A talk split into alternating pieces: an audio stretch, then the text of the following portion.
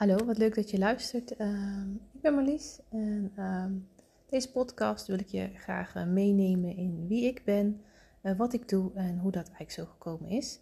Ehm, ik ben mama van drie kindjes, een meisje van uh, zeven, bijna acht, een jongetje van vijf en een meisje van anderhalf. en heb een enorme passie voor alles wat met voeding te maken heeft. altijd al interesse gehad. Ehm, nooit iets mee gedaan. Totdat we eigenlijk op het punt kwamen dat het eigenlijk uh, nou, buiten wens misschien meer noodzaak werd. Um, onze middelste is uh, nou, chronisch ziek, is niet het juiste woord misschien. Hij heeft een erfelijke aandoening, waardoor onder andere zijn prikkelverwerking anders verloopt als dat het normaal gesproken zou verlopen. Dus sommige prikkels komen bij hem harder binnen, andere juist uh, veel minder. En dat is soms een beetje zoeken, een beetje laveren. Maar zo ook met de prikkels rondom eten. Want dat beseffen we ons vaak niet, maar buiten smaak hebben prikkels uh, rondom structuur, uh, prikkels met warm en kou. Eten kan best een heel complex iets zijn. Um, nou, waar begint nou eigenlijk mijn verhaal? Um, bij het moment dat we bij hem met de kinderarts uh, liepen. We hebben een topkinderarts, we komen er nog steeds. maar op het gebied van voeding kon ze ons niet helpen. We hadden eigenlijk een mannetje uh, want als baby eigenlijk alles at, praktisch, maakte niet uit welke smaak, welke structuur, warm, koud. Hij vond eigenlijk alles prima. En op een gegeven moment ging dat eigenlijk achteruit. Hij ging steeds minder eten, had een hele sterke voorkeur voor friet met kipnuggets um, en wilde eigenlijk op een gegeven moment niks anders eten als dat. Als dat niet op tafel stond, dan hadden we een kind wat letterlijk de hele maaltijd aan het gillen en krijsen was. En dan bedoel ik ook echt keihard, zo hard als hij kon gillen. Nou, je kan je voorstellen dat dat niet per se gezellige maaltijden waren en dat we daar als ouders um, heel graag iets mee wilden doen. Nou, zoals ik al zei, de kinderarts kon ons daar niet echt bij helpen. Um, in die periode had hij ook een hele opgeblazen buik, slechte ontlasting. Dus we waren bij de kinderarts al wel geweest voor een, een test voor celiakie. Kwam niet uit dat hij dat had. En heel veel meer kon ze voor ons eigenlijk niet betekenen. Nou, toen zijn we via de revalidatie bij een kinderdiëtiste terechtgekomen. En die kon eigenlijk ons niet meer vertellen van nou als hij dan zo van friet rouwt, dan snij je toch al zijn eten in reepjes. Nou, daar trapte hij uiteraard niet in, daar trapten wij uiteraard niet in. En dat was niet de oplossing voor zijn probleem op dat moment. we hadden een gillend kind aan tafel zitten, wat zodra hij geen friet zag, geen kipnugget zag, helemaal door het dolle heen ging. Nou, toen ben ik verder gaan zoeken, ehm, hoe kan ik hem dan nu gaan helpen? Want eigenlijk kon geen enkele professional ons op dat moment helpen met het probleem waar wij tegenaan liepen. Buiten het feit dat het aan de maaltijden niet heel gezellig was, ehm, waren we ook enorm bang dat die voedingsstoffen mis zou lopen. Want leven op enkel friet en kipnuggets is niet per se heel veel vitamintjes wat je binnenkrijgt. Nou, overdag kregen we er dan nog wel een boterham in. Uh, aan fruit had hij eigenlijk bijna niks. Een banaan, maar die moesten we warm maken voor hem, want anders wilde hij hem ook niet. Hij had moeite met het eten van koude dingen. dus dingen uit de koelkast of die koud waren, wilde hij sowieso niet. Nou, die warme banaan, dat ging dan nog net. Maar daar hield het eigenlijk op. En dat is natuurlijk niet voldoende voor een kindje om op te leven en op te groeien en alle voedingsstoffen uit te halen die ze nodig hebben.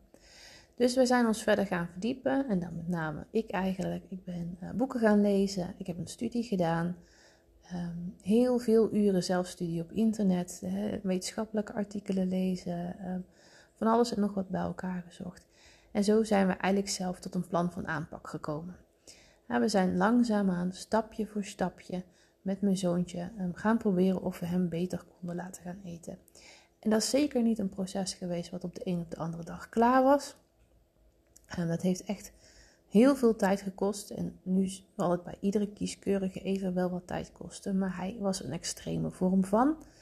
Ja, omdat zijn prikkelverwerking anders was, duurt het wennen, duurt het proeven, duurt het allemaal veel langer. Ehm, maar het is uiteindelijk wel gelukt. We hebben nu een kind aan tafel zitten wat nooit meer gilt en krijst of schreeuwt.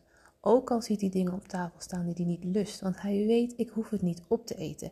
Ik hoef niet mijn stem te laten horen om te krijsen tegen iets wat ik niet wil. Ik hoef het niet te eten van papa en mama.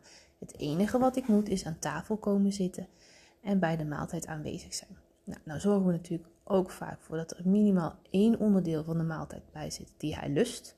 En zodat er altijd iets te eten is, maar we koken niet apart voor hem. Hij krijgt niks anders als hij niet eet. maar hij weet dat en dat is prima voor hem. Nou, in de tussentijd is hij ook veel beter gaan eten. we zijn van alleen die warme banaan naar nou, eigenlijk alle soorten fruit. Hij vindt eigenlijk alles lekker.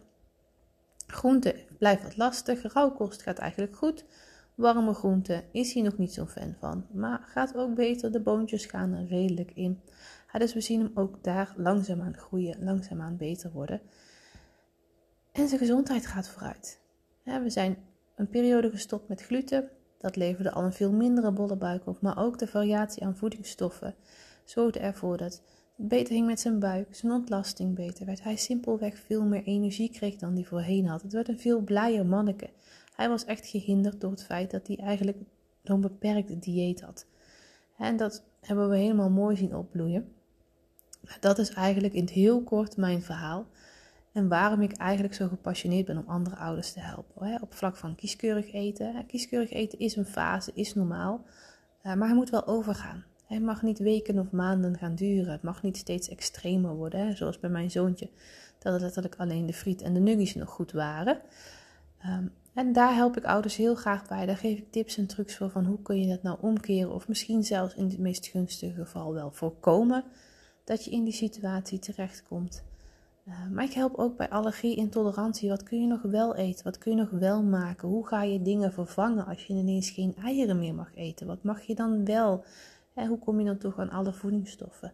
Wat is een gebalanceerde maaltijd voor kindjes? Wat hebben ze nodig eigenlijk om te groeien en te bloeien en naar hun best te kunnen? Nou, daar zit echt mijn passie, mijn liefde. Ik doe dat met heel veel plezier.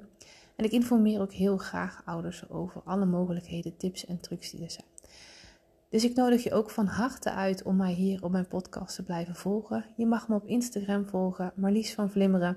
Dan vind je me vanzelf. Deel ik ook heel veel tips en trucs en korte filmpjes om je allemaal zo goed mogelijk door deze fases heen te helpen.